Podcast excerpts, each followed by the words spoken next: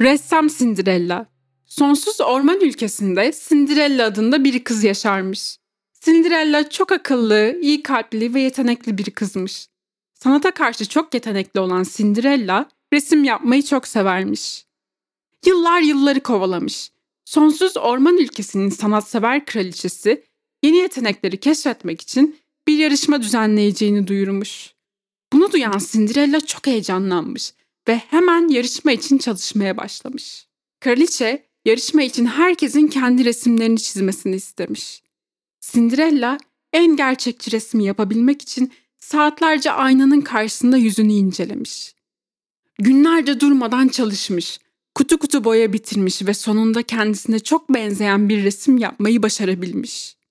Cinderella'nın çizdiği resmi gören herkes onun yeteneğine hayran kalmış ve yarışmayı kesinlikle Cinderella'nın kazanacağını düşünmüşler.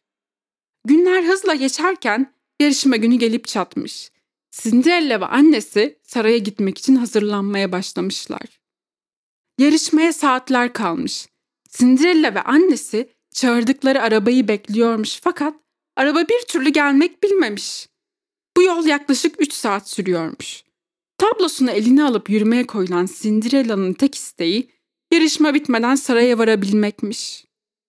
Cinderella ve annesi ormanda yürürken hava kararmaya başlamış. Önünü görmekte zorlanan Cinderella tam pes edecekmiş ki o sırada bir sürü ateş böceği gelip Cinderella'nın tablosunun üstüne konmuş.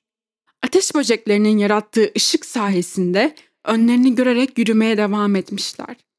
Saatler sonra nihayet saraya varmışlar fakat yarışma çoktan bitmiş, saray kapılarını kapatmış. Bunu gören Cinderella çok üzülmüş ve ağlamaya başlamış.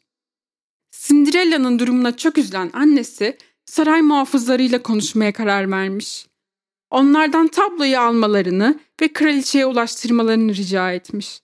Muhafızlar ikna olmuş ve tabloyu verdikten sonra tekrardan evin yolunu tutmuşlar. Cinderella büyük bir hayal kırıklığı yaşasa da en azından resminin kraliçeye ulaşacağını bildiği için teselli olmuş. Aradan haftalar geçmiş. Yarışma sonucunun açıklanması beklenirken kraliçe kazanan resmin sahibini aradığını duyurmuş. Resme dair bilinen tek şey yarışma gecesi bir anne ve kızın resmi muhafızlara bırakmasıymış.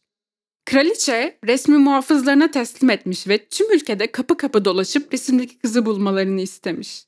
Aradan aylar geçmiş. Muhafızlar hala resimdeki kızı arıyorlarken Cinderella'nın yaşadığı kasabaya gelmişler. Bir evden çıkıp diğerine giren muhafız tam o sırada sokakta yürüyen Cinderella'yı görmüş ve kıza ne kadar benzediğini fark etmiş. Cinderella'nın yanına giderek olayı anlatmış.